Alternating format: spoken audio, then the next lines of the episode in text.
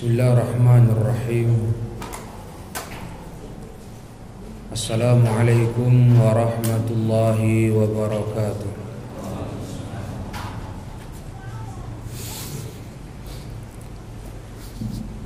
الحمد لله رب العالمين وبه نستعين على أمور الدنيا والدين.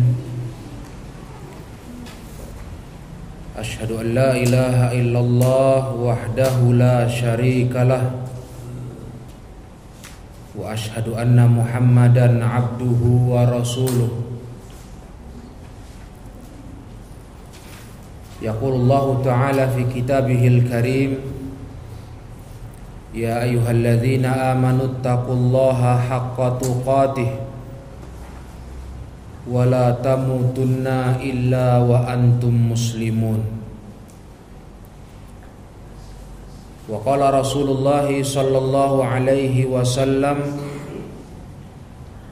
فإن أصدق الحديث كتاب الله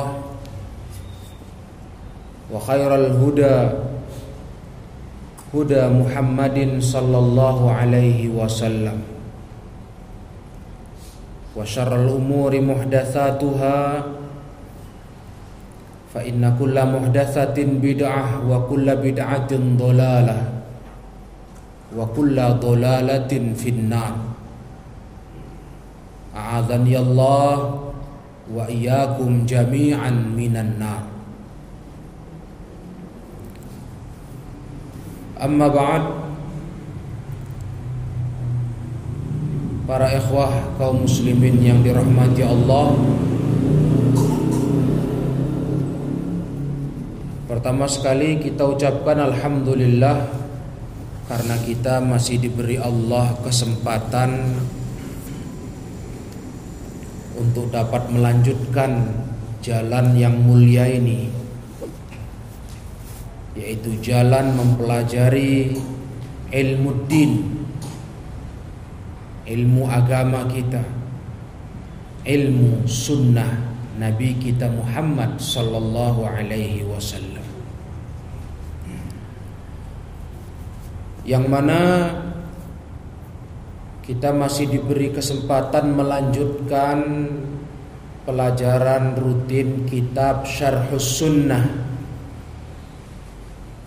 Karya Al-Imam Al-Barbahari rahimahullahu taala.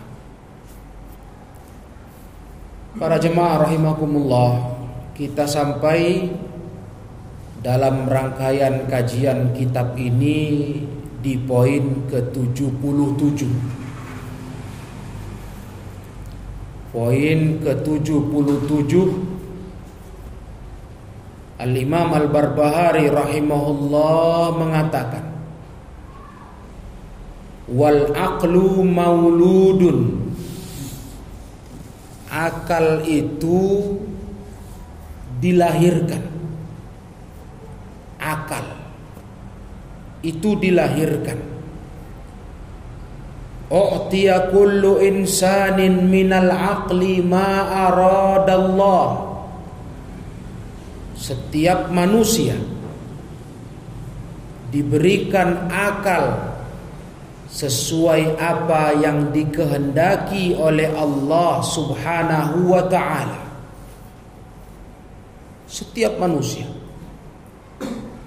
hanya saja yatafawatuna fil uquli mislu dzarrati fis samawat.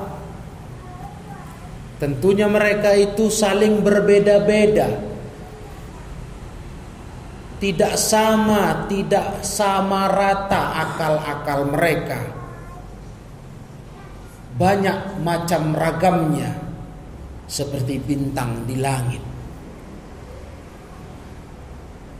Wa yutlabu min kulli insanin minal ilmi ala qadri ma a'tahu minal. Dan setiap manusia dituntut dia untuk punya ilmu sesuai kadar apa yang diberikan kepadanya berupa akal tadi. Jadi akal ini ma'asyiral ikhwah rahimakumullah menjadi satu alat yang diberi Allah kepada manusia untuk menggapai ilmu. Tergantung dengan seberapa ukuran akal dia. Walaisal aqlu biktisabin akal itu bukan dengan hasil usaha. Tetapi akal itu innama huwa fadlum minallahi tabaraka wa ta'ala. Akal itu adalah keutamaan yang diberikan oleh Allah Subhanahu wa taala. Para jemaah yang mulia, ini poin ke-77. Memfokuskan pembahasan tentang akalnya anak manusia. Dan ketahuilah poin ini Poin tentang akal ini adalah satu poin yang sangat penting sekali. Bahkan ini menjadi inti masalah. Timbulnya beragam macam kerusakan di muka bumi. Karena manusia tidak memahami tidak mengerti tentang akal yang dikaruniakan Allah kepadanya. Baik tidak mengerti mensyukurinya, tidak mengerti kadar nilainya, tidak mengerti menggunakannya, memanfaatkannya. Ini yang menjadi inti masalah. Timbulnya banyak kerusakan di muka bumi dari faktor akal-akal manusia.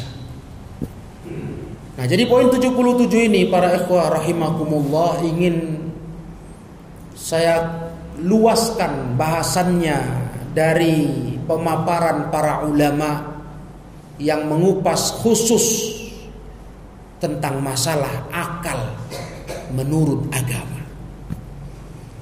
Yang nantinya kita akan sadar memang betul kalau kita nggak paham tentang akal ini, banyak macam ragam kerusakan muncul. Jadi apa yang kita sekarang rasakan, paham-paham beragama, pendapat-pendapat beragama sampai amalan-amalan beragama yang tidak mencocoki sunnah Nabi Shallallahu Alaihi Wasallam, tidak sesuai dengan ilmu warisan Nabi, ini masalah intinya ada dalam hal akal. Sehingga kita mudah-mudahan dengan poin 77 ini berikut syarah para ulama tentangnya tidak termasuk orang-orang yang terjerumus dalam kerusakan pemahaman karena tak memaknai akal yang diberikan Allah dengan sebaik-baiknya. Nah, maka pembicaraan masalah akal para ikhwah yang dirahmati Allah kita mulai dari definisi akal itu sendiri. Apa itu akal? Kita harus kenal karena setiap kita manusia diberi akal oleh Allah. Tidak satupun yang tidak diberi akal oleh Allah Ta'ala Hanya saja pemberian akal ini berbeda Tidak sama rata Ada yang tinggi Kelas akalnya Ada yang sedang Ada yang rendah. Bahkan ada akalnya rusak sama sekali. Nah Yang namanya akal ma'asyurul ikhwah yang dirahmati Allah kalau dibahas dari sisi etimologi, sisi bahasa, akal itu punya banyak makna yang diterangkan dalam kitab Al-Mu'jamul Kabir. Ini kamus bahasa Arab. Karena akal itu adalah masdar, kata masdar dari aqala ya'qilu aqlan itu dalam bahasa Arab. Jadi karena dia banyak makna, salah satu daripada makna akal itu adalah al-man'u, mencegah. Biasa dikatakan dalam pembicaraan orang Arab Mereka memakai kata akal untuk sesuatu yang sifatnya pencegahan seperti orang Arab berkata tentang untanya kalau dia berkata aqalal ba'ir lihat kalimat akal fi'il madinya aqalal ba'ir itu artinya syaddahu bihablin yamna'uhu minal haram dia ikat unta itu supaya tercegah tidak bisa dia lari. Ini kata akal. Jadi akal itu para ikhwah yang yang dirahmati Allah dipakai dalam bahasa Arab untuk pencegahan, mencegah sesuatu. Ya. Dikatakan akal al bair artinya mengikat unta untuk dicegah jangan lari. Itu kalimat akal dalam bahasa Arab. Ini penting kita kenal. Karena bahasa Arab itu tidak mungkin kita bisa ngerti paham apa yang dimaksud dengannya kecuali kita melihat pula dari bahasa Arab sendiri. Iya, karena kurang tepat ya, Kalau bahasa Arab itu kita kenali dengan bahasa lain. Dia tidak sempurna pemahamannya. Walaupun bisa memberi sebuah gambaran makna. Ya, dalam ahli bahasa. Ini penting saya tegaskan agar semua faham. Yang namanya orang ingin belajar agama, mengenal agama itu tak mungkin bisa betul fahamnya kalau dia tak kenal bahasa Arab. Karena nggak akan bisa benar memahami kalimat bahasa Arab kecuali dengan bahasa Arab juga. Makanya kamus yang benar belajar bahasa Arab adalah kamus Arab dengan Arab. Bukan nggak bisa Arab dengan Indonesia.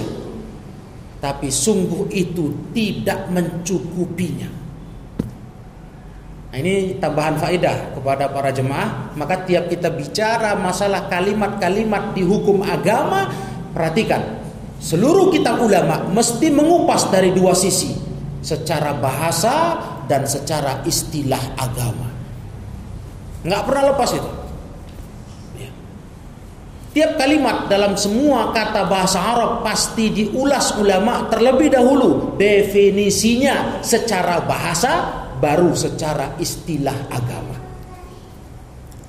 Karena memang itulah aturan mengenal Islam dengan kita kenal betul kalimat bahasa Arab itu sendiri. Maka harus kita tahu bahasa Arab. Tak bisa tidak. Sumber Islam ini dari bahasa Arab, Quran bahasa Arab, hadis dengan bahasa Arab, Nabi kita orang Arab.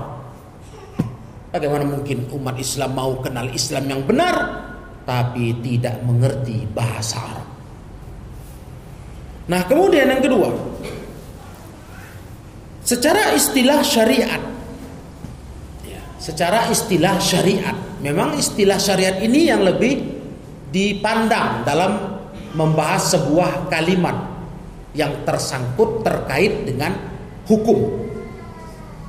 Nah, menurut makna akal dalam istilah agama, istilah syariat, akal itu digunakan untuk empat perkara. Kalimat akal digunakan untuk empat perkara.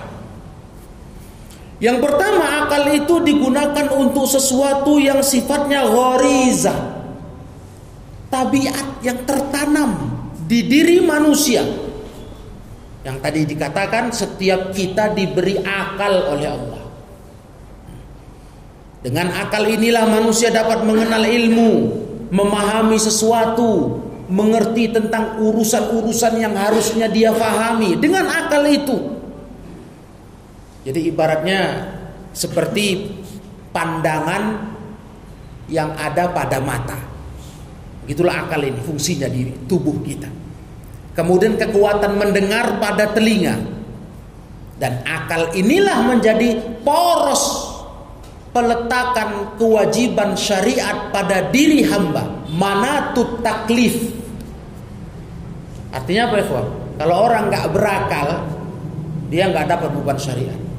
Orang gila nggak ada beban syariat baginya. Nggak ada hitungan dosa. Nah, karena poros peletakan kewajiban syariat agama di diri seorang hamba itulah dengan akal tersebut. Dan ini makna pertama, penggunaan akal dalam istilah syariat. Jadi sesuatu yang sudah memang tabiat tertanam di setiap kita. Makanya kita perhatikan ya semua siapa pun dia akalnya itu ada fase pertumbuhan perkembangan. Kan begitu? Gak ada para jemaah yang dimuliakan Allah. Manusia itu baru lahir punya akal yang sudah sempurna. Yang sudah lengkap. Sudah banyak ilmunya. Gak ada. Tapi semua itu berkembang. Beriring dengan pertumbuhan usianya. Kenapa kita harus tahu ini? Kalau harus sadar ini, karena nanti akan terkait dengan ketika dihadapkan akal ke agama. Kalau kita paham akal kita ternyata begitulah proses tumbuhnya. Yang menunjukkan betapa akal kita lemah. Sebelum dia dapat menyerap apa yang ada di alam sekitarnya, belum mengerti, memahami apa yang datang kepadanya, akal kita ini nggak punya daya tangkap apa pun para jemaah. Jadi kalaupun ada orang sekarang sudah berpendidikan tinggi, sudah punya pangkat jabatan, punya akal yang jenius lah kita katakan. Sadarlah diri. Itu bukan dia miliki dari pertama lahir dari perut ibundanya. Itu berkembang, berkembang, berkembang. Maka jangan bandingkan akal yang seperti itu kelasnya. Siapa pun kita begitulah kelasnya. Jangan bandingkan dengan wahyu agama yang datangnya dari Allah Ta'ala yang maha tahu segalanya, maha sempurna turun kepada Nabi Muhammad SAW sebagai petugas penyampai agama. Jadi kurang tahu diri yang sangat keterlaluan para jemaah. Orang berani melaga agama dengan akalnya. Karena akal cuma segitu rupanya. Ya. Sesuatu yang tertanam dalam jiwa manusia, dalam diri manusia, yang itulah gunanya dia bisa mikir. Itu pun dengan tahap perkembangan yang tidak cepat. Tidak cepat. Siapa yang paling jenius di muka bumi ini? Coba kita usut ke kehidupannya dari awal lahirnya. Jadi kenapa kok berani manusia membenturkan agama dengan akalnya? Kok berani berkata yang tak masuk akal saya dari hukum agama tak saya terima? Loh. Ini akibat nggak kenal, itu saya katakan tadi dari awal para jemaah. Nggak kenal dia, akal dia itu kayak mana? Tak faham dia dan tak tahu mensyukurinya. Ini yang pertama, ma'asyiral ikhwah rahimakumullah. Yang kedua, akal dalam istilah syariat digunakan untuk ilmu-ilmu yang doruri, doruriyah, sifatnya darurat. Darurat dalam arti ilmu-ilmu yang memang perkaranya itu sesuatu yang wajib, jelas, nyata. Yang nggak perlu lagi dibahas, nggak perlu lagi dikupas nggak perlu diteliti satu yang nyata pasti nah, itu ilmu doruri sifatnya doruri dan itulah di antaranya ilmu agama yang sifatnya wahyu yang nggak memang tempatnya dikupas dengan akal kita para ikhwan yang mulia. Yang dibutuhkan dalam hal menyikapi ilmu doruri adalah iman. Dan itu akal yang betul. Itu akal. Dalam istilah syariat digunakan akal untuk itu juga. Dan itu yang betul. Makanya nanti akan akan kita dengarkan para ikhwan pemaparan ulama akal yang sehat, yang normal, yang standar dia nggak mungkin mau terbenturkan dengan wahyu. Itu akal standar. Karena akal itu sendiri dalam istilah syariat adalah ilmu yang doruri. Jadi bagaimana mau berbenturan dia dengan wahyu? Karena wahyu itu ilmu daruri. Ilmu tentang Allah, sifat Allah, perbuatan Allah, tabaraka wa taala, keberadaan Allah, adanya Allah, itu kan daruri. Ya. Nggak bisa dibahas, nggak bisa dikupas. Karena tidak kapasitas akal kita. Dan itu akal yang betul. Nah, itu jenis yang kedua dari penggunaan penggunaan ilmu dalam istilah syariat tentang akal. Dan yang ketiga digunakan untuk ilmu nazori. Nah, ilmu nazori itulah ilmu yang sifatnya nazori, perlu dikaji. Ya, kalau perlu dikaji para ikhwah yang mulia, ya tentunya kita bisa mengkajinya. Nah, inilah dia akal dalam arti pengetahuan ya, tentang ilmu duniawi, ya itu silakan dikupas, dikaji, ditelusuri, didalami. Kita kritis tentang itu boleh. Dan itu akal. Ya. Jadi orang yang merasa punya akal hebat, punya akal unggul dari orang lain. Tidak ada Islam melarang kau maksimalkan penggunaan akal. Tapi pada perkara apa? Perkara yang sifatnya nazariyah. Nazori itu berarti yang memang pantas dibahas. Kasat mata, nampak. Nah, itu pas. Kupaslah. Cari tahu kenapa begini-begini tentang masalah perkara dunia ini. Teknologi, cari tahu silahkan. Itu akal yang betul. Ya. Tapi kalau tadi sifatnya masyarul ikhwah yang dimuliakan Allah. Masalah-masalah tentang uh, Allah tentang ciptaan yang sifatnya itu perkara gaib, cerita akhirat. Bagaimana mau dibahas pakai akal? Nengok aja nggak pernah. Cerita alam kubur, ditanya rinciannya kok ada azab bagaimana bagaimana itu tolong terangkan. Loh. Ini orang nggak paham tentang makna akal dalam istilah agama. Itu ilmu doruri. Yang di situ kita bergantung kepada berita wahyu. Bukan untuk dikupas, untuk diteliti, dikaji. Nah, sampai ada mau dites. Diletakkan alat, dilihat dengan kamera. Apa penyiksaan kubur itu? Betulkah? Tidak. Astagfirullahaladzim. Nah, ini bukan orang berakal ini sebenarnya. Ya. Ini orang kehilangan akal sehatnya. Dia nggak ngerti itu tadi akibat tidak faham dan pembahasan akal menurut agama beginilah jatuhnya. Padahal itu masalah doruri. Kalau masalah nazari, masya Allah, silakan, silakan. Dia mau kupas, dia mau bahas, dia mau teliti, silahkan. Gunakanlah kejeniusan itu kalau merasa jenius jadi orang. Gunakan, manfaatkan. Tapi ada perkara yang bukan ranahnya kita untuk menggunakan akal yang pendek kita ini. Mikirkannya enggak, enggak ranahnya itu. Bahkan dengan menerima apa yang datang dari perkara doruri yang sifatnya gaib itu sudah menjadi akal yang sehat. Jangan ada orang berkata, ah kau bodoh. Kau nggak kau pakai akal kau memikirkan yang kau dengar dari kitab sucimu tentang cerita akhirat langit tentang di atas langit. Nggak kau gunakan akalmu katakan kepadanya. Inilah akal yang betul. Hmm. malah kalau saya tidak terima ini saya kupas ini saya bahas saya tak berakal tak berotak. Inilah akal yang betul. Menerima tentang masalah doruri yang memang sifatnya bukan ranah akal kelas akal kita mendalaminya yang kita dalam hal ini dituntut hanya aman tubih aku beriman kepadanya. Tidak ada lain. Percaya karena datangnya dari Allah pencipta alam semesta yang tak pernah dusta dalam beritanya. Selesai kan? Nah, inilah titik masalah ikhwah inti.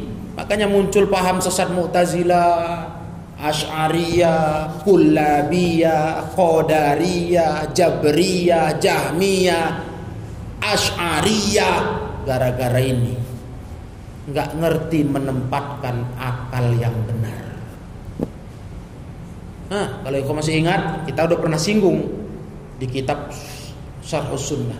Bagaimana sesatnya Jahmiyah dalam membuang sifat Allah? Hah? Karena dia berpikir Kalau Allah saya letakkan sifatnya sesuai apa yang dia sebutkan, wah nanti Allah kayak makhluk, saya nggak terima. Karena dibayangkannya dengan otaknya yang ada pada Allah seperti makhluk. Ini masalah faktor akal tadi para jemaah.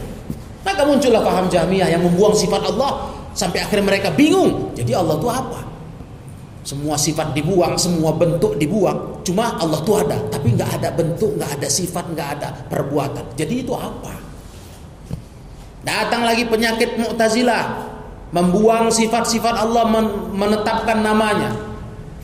Ada pula nama tapi nggak mengandung sifat, maha mendengar tapi tak mendengar. Coba. Kenapa bisa sebodoh ini mereka para jemaah? Karena tadi tak ngerti mendudukkan kelas akalnya.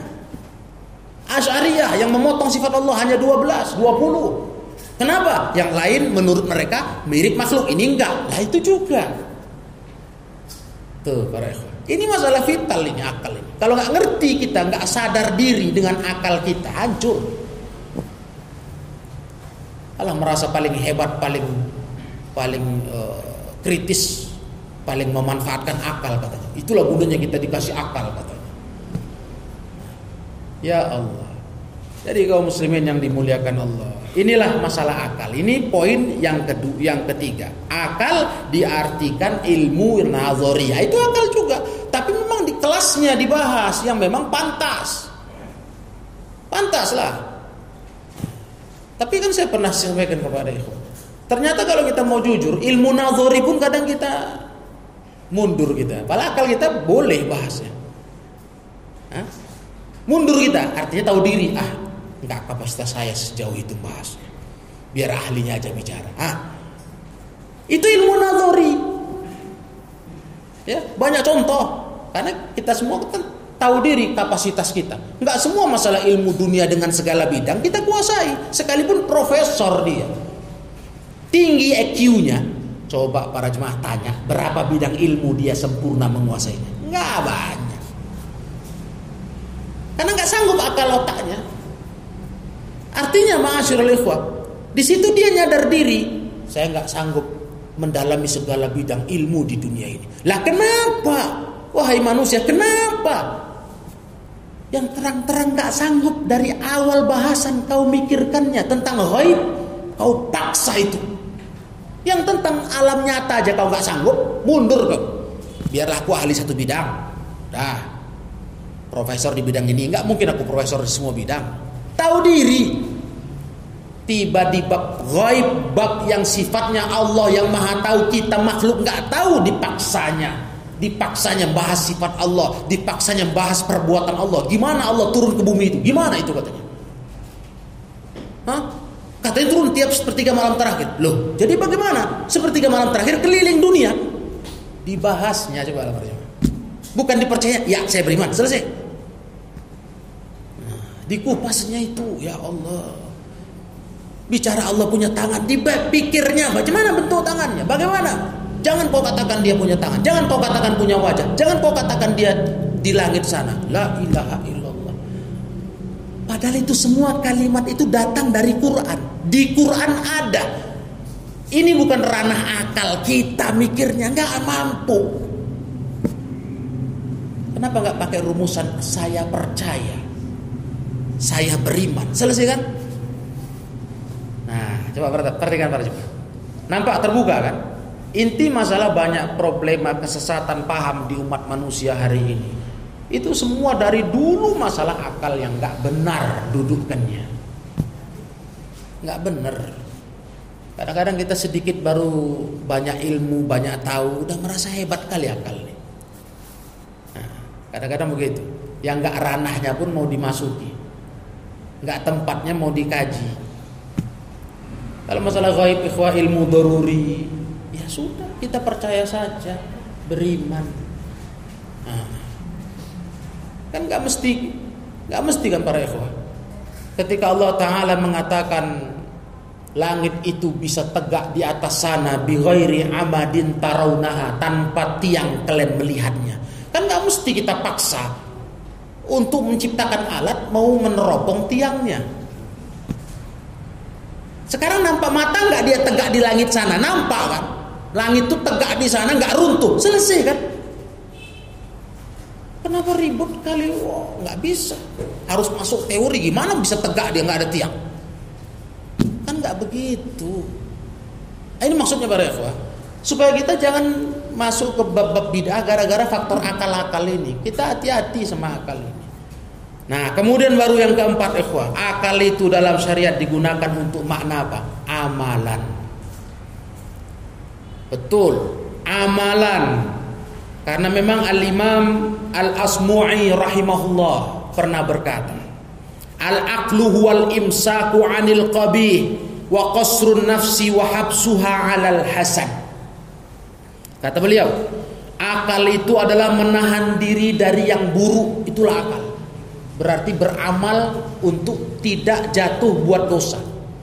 Dan mencukupkan diri, mencegah diri agar tidak terpleset dari yang baik. Maka salah satu penggunaan akal menurut syariat adalah kita beramal dengan ilmu. Dalam arti kata, andai kata ada orang berilmu, banyak ilmunya. Dari pengertian keempat ya. Banyak ilmunya, berarti dari sisi pengertian pertama udah masuk dia. Ya, akalnya mantap, menumbuhkan ilmu. Dari sisi pengertian kedua, ketiga sudah cocok. Tapi dia tak beramal. Tepat juga dibilang dia tak berakal. Jangan salah. Makanya jangan dibanggakan kali ikhwah banyak ilmu, banyak pengetahuan, banyak ngerti. Tapi kalau nggak merubah diri, nggak beramal, ya jangan salah kalau dibilang nggak berakal. Untuk apa? Untuk apa para ikhwah? Kita banyak ilmu, banyak pengetahuan. Kalau itu nggak merubah diri kita menjadi orang lebih baik. Ya. Maka dalam satu kalimat ulama salah mengatakan apa? Yang namanya orang alim itu ya, orang yang mengamalkan ilmunya walaupun sedikit. Itulah orang alim. Karena kalau orang yang alim dia tak mengamalkan ilmunya yang banyak, dia sebetulnya bukan alim. Orang alim itu yang mengamalkan ilmunya walau sedikit. Itu alim. Makanya akal dalam pengertian keempat, akal itu para ikhwah yang mulia adalah amalan. Amalan, bukti perbuatan yang mana amalan itu mujibul ilmi istilah. Itu menjadi sebuah konsekuensi kita berilmu. Kita harus beramal. Mau jadi orang berakal, jadilah orang yang beramal dengan ilmu. Itulah orang berakal yang sebenar-benarnya. Nah, Pak Masyirul Ikhwah kaum muslimin yang dimuliakan Allah. Dari definisi akal ini insya Allah terang oleh kita. Apa yang dikatakan dengan akal menurut agama? Ya. Dan akal ini berbeda-beda, tidak satu, tidak sama. Kelompok Mu'tazilah adalah kelompok yang berpendapat akal manusia itu sama saja. Iya, akal manusia itu sama, nggak berbeda-beda. Itu Mu'tazilah. Sampai-sampai para ikhwah yang dirahmati Allah, kelompok Mu'tazilah, Asy'ariyah dan kelompok filsafat yang mereka tidak menerima pendapat akal itu bertingkat-tingkat berbeda-beda sampai-sampai dari sinilah landasan mereka mengambil pendapat wanita itu sama-sama laki-laki.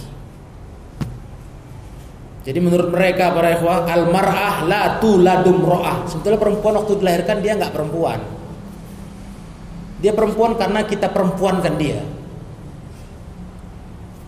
Sebenarnya akalnya sama sama laki-laki katanya. Nggak beda.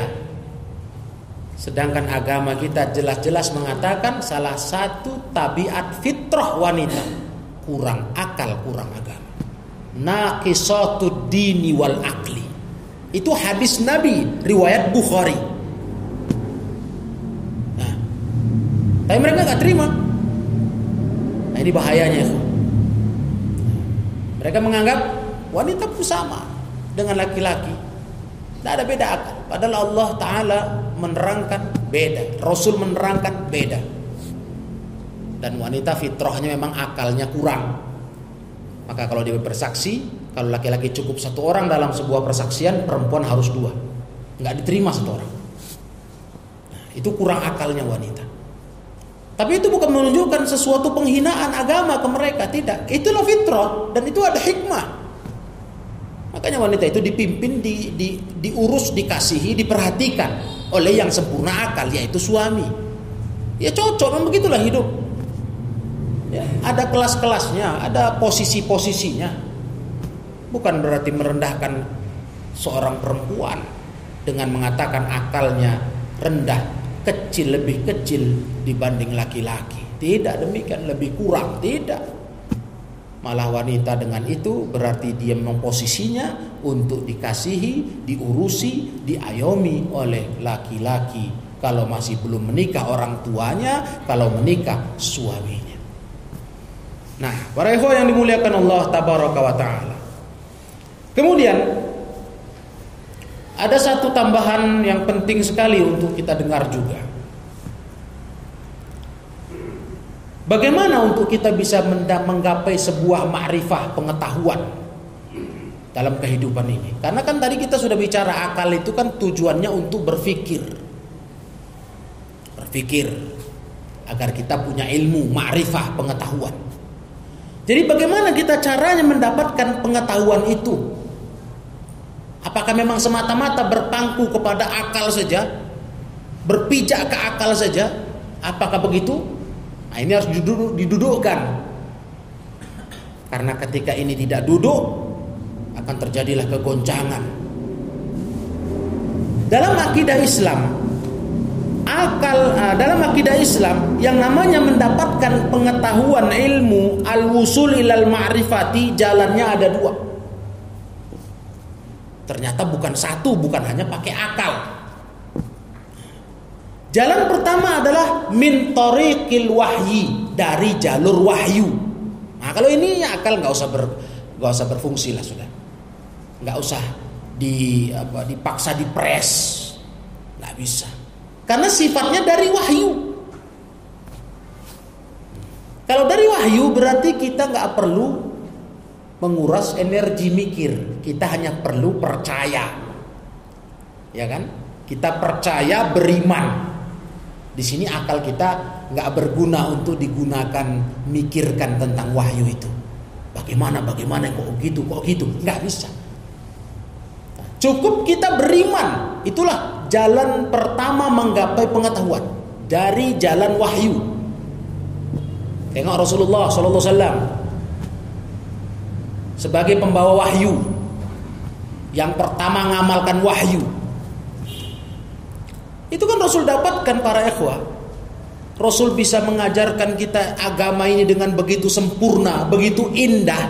Itu kan nggak dari jalur akal, Enggak, enggak Rasul itu merenung, memikir atau membuat eh, teori-teori dulu, uji coba enggak kan? Rasul hanya terima jadi wahyu. Maka sadarilah wahyu umat Islam.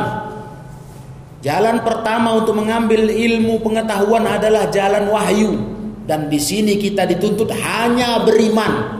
Setelah memastikan ayatnya betul, hadisnya sahih, percaya saja, selesai. Jangan lagi macam-macam. Ini jalan pertama untuk mendapatkan pengetahuan.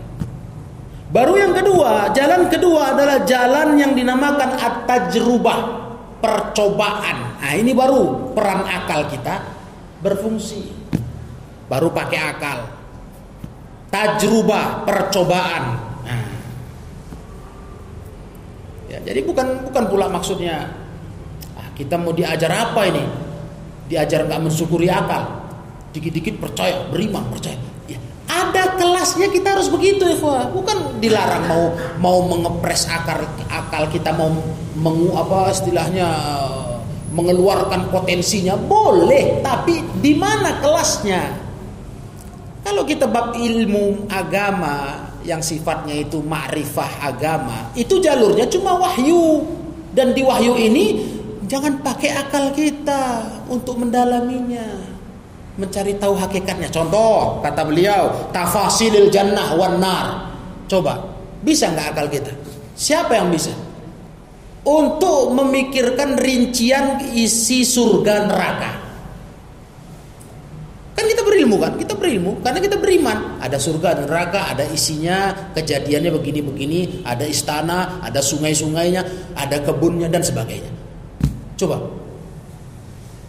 Apakah hal ini para ikhwah yang saya muliakan mau jadi pengetahuan yang kita yakini harus dengan uji coba? Nggak bisa. Siapa pula pernah coba ke sana? Nanti itu tempatnya. Udah mati kita semua. Tamat dunia ini baru mungkin masuk surga atau neraka. Nah, jadi pengetahuan ini berarti sifatnya apa? Sifatnya wahyu. Itu makanya beragama ini para jemaah. Beragama ini yang dituntut dari kita apa beragama ini? Pastikan dalil. Pastikan kebenaran dalil pastikan kebenaran maksud dalil. Sudah percayai, imani, amalkan. Itu itu baru orang berakal namanya. Bukan orang berakal tuh berarti yang berani mengutak-ngutiknya, berani menafsirkan suka-sukanya, terus ditolaknya. Karena pasti susah dia selaraskan dengan akalnya. Kenapa? Bab wahyu itu nggak bisa nggak bisa para ikhwah untuk diurai betul sehingga teorinya itu terang di depan mata kita. Gak bisa. Itu wahyu itu sesuatu yang sifatnya dari Allah yang bahkan gaib. Gak tahu kita. Ya yang sekarang kalaupun ada yang sifatnya dari wahyu pengetahuan itu yang gak gaib nampak di mata, itu pun gak akan sanggup kita mengurainya. Apa kata ulama dalam contoh ini? Contohnya misalnya apa? Sholat. Mana Bisa kita urai. Kenapa gerakannya begitu? Kenapa Allah suruh kayak gitu gerakannya? Dari takbir sampai salam. Hah? Apalah masalahnya kalau dirubah dikit sujud dulu baru ruku? Siapa yang sanggup? Profesor mana yang sanggup cari tahu? Ada apa di balik urutan gerakan sholat? Kok mesti begitu? Hah? Ini contoh yang nampak zohir aja pun nggak mampu otaknya. Iya, karena nggak kapasitasnya, tidak tempatnya untuk dipakai. Yang tahu kita di, di begini disuruh Allah, begini dicontoh Rasul, aku percaya. Ah, ini dia. Ini baru orang berakal. Coba ini dibiasakan ya. Urusan agama ini pakai rumusan saya beriman. Tapi pastikan dulu kebenaran riwayatnya, kebenaran tafsirnya, kalau hadis syarahnya. Sudah positif, saya beriman. Apa pun ceritanya, apa pun logika saya nggak masuk akal saya, nggak tercerna saya, nggak ada cerita, saya beriman. Buang angin. Apa urusan buang angin kok wudhu lagi? Siapa bisa menjabarkan? Apalah salah tangan nih muka nih yang bermasalah bawah? Kasih tahu saya siapa yang bisa jelaskan itu. Kenapa Islam mewajibkan wudhu lagi, buang angin ya cuma, kok nggak cebok? Kan nggak bisa. Itu ranahnya nggak untuk akal kita mesti bisa menjabarkan. Jangan paksa. Itu yang nampak. Lah bagaimana yang gaib? La haula wala quwata illa billah. Sifat Allah gaib, surga neraka gaib, alam padang mahsyar gaib, jembatan sirat gaib, mizan timbangan amal gaib, semua udah kita pernah kaji itu. Kok itu dibahas mesti pakai akal, masuk akal baru saya percaya. Lu. Dah, rekod jelaskan. Ini titik masalah yang sangat besar terjadi dalam kesesatan umat Islam. Tidak mengerti memposisikan akal. Nah, adapun tarikut tajrubah, ya kalau itu sifatnya untuk tajrubah yang memang untuk uji coba, ya silahkan. Itu memang sumber pengetahuan. Sumber pengetahuan selain wahyu adalah uji coba. Nah, itulah akal tadi berfungsi berguna. Nah, coba begini kok gagal, pikirkan lagi. Nah, silahkan. Yang urusan sifatnya duniawi, silahkan. Ya kan? Yang memang kita rasa kita membidangi ada bakat ke situ itu pun harus ada bahasa begitu. Kadang-kadang yang nggak ada bakat berantakan nanti bukan makin bagus makin hancur. Karena kalau kita nggak sanggup. Nah makanya kata orang ada istilah ada bakat kau tidak di situ. Kalau nggak jangan kau sentuh. Kau urus lain lah. Nah, ini menunjukkan kapasitas kita sangat terbatas kemampuannya. Jadi ma'asyiral ikhwah yang dirahmati Allah tabaraka wa taala.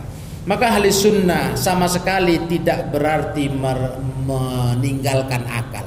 Malah akal itu kata Ibnu Taimiyah syarat untuk mengenal ilmu ya butuh akal. Siapa bilang kita nggak menghargai akal? Wah, di Quran subhanallah akal ini sangat dimuliakan Allah. Sangat dimuliakan Allah. Buka Al-Baqarah ayat 197 ketika Allah bicara hukum haji. Ya, ini bulan-bulan haji.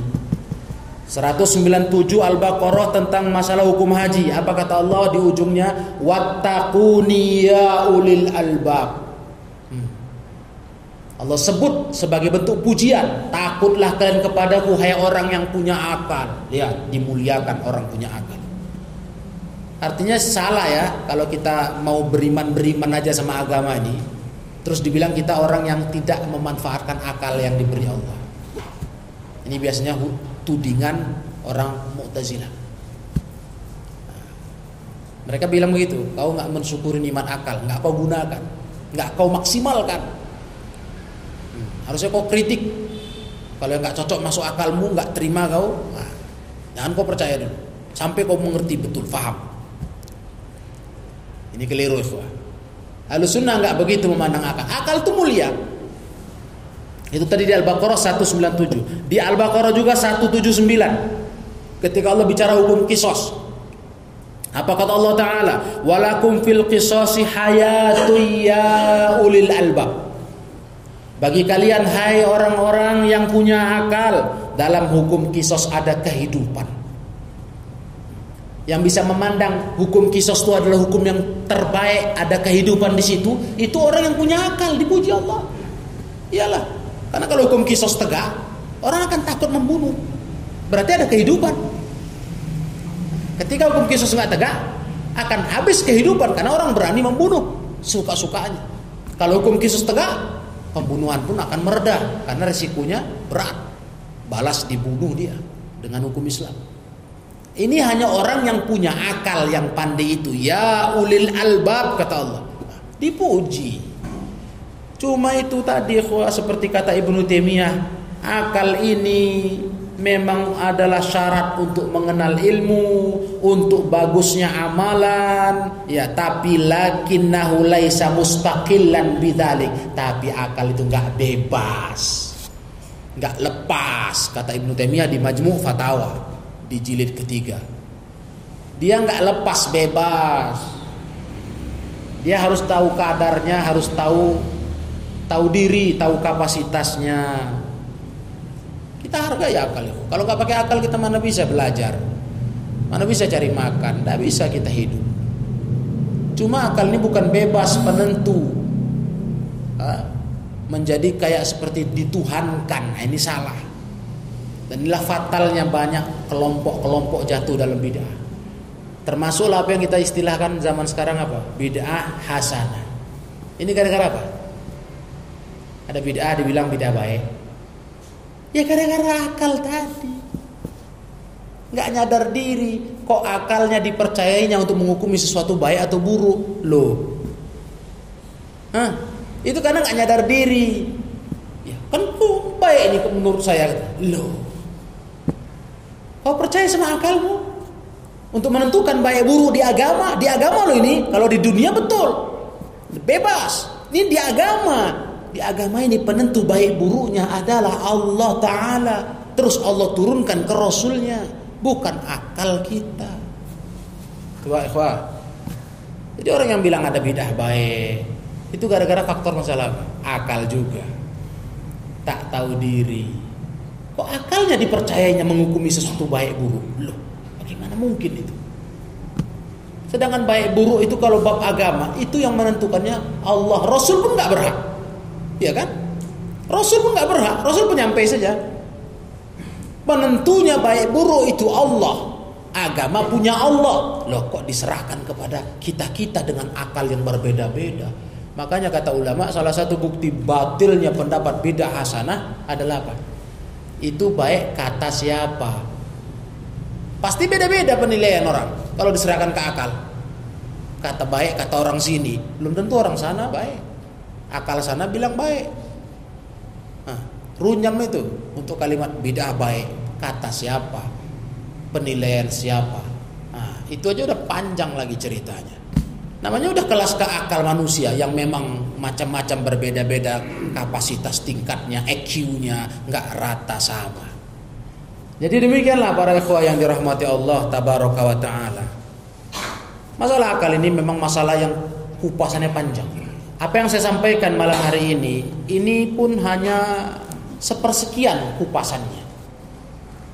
Karena ada beberapa kitab yang pernah saya baca dari karya para ulama baik ulama salaf seperti Ibnu Taimiyah maupun ulama khalaf belakangan ini ada beberapa masyaikh.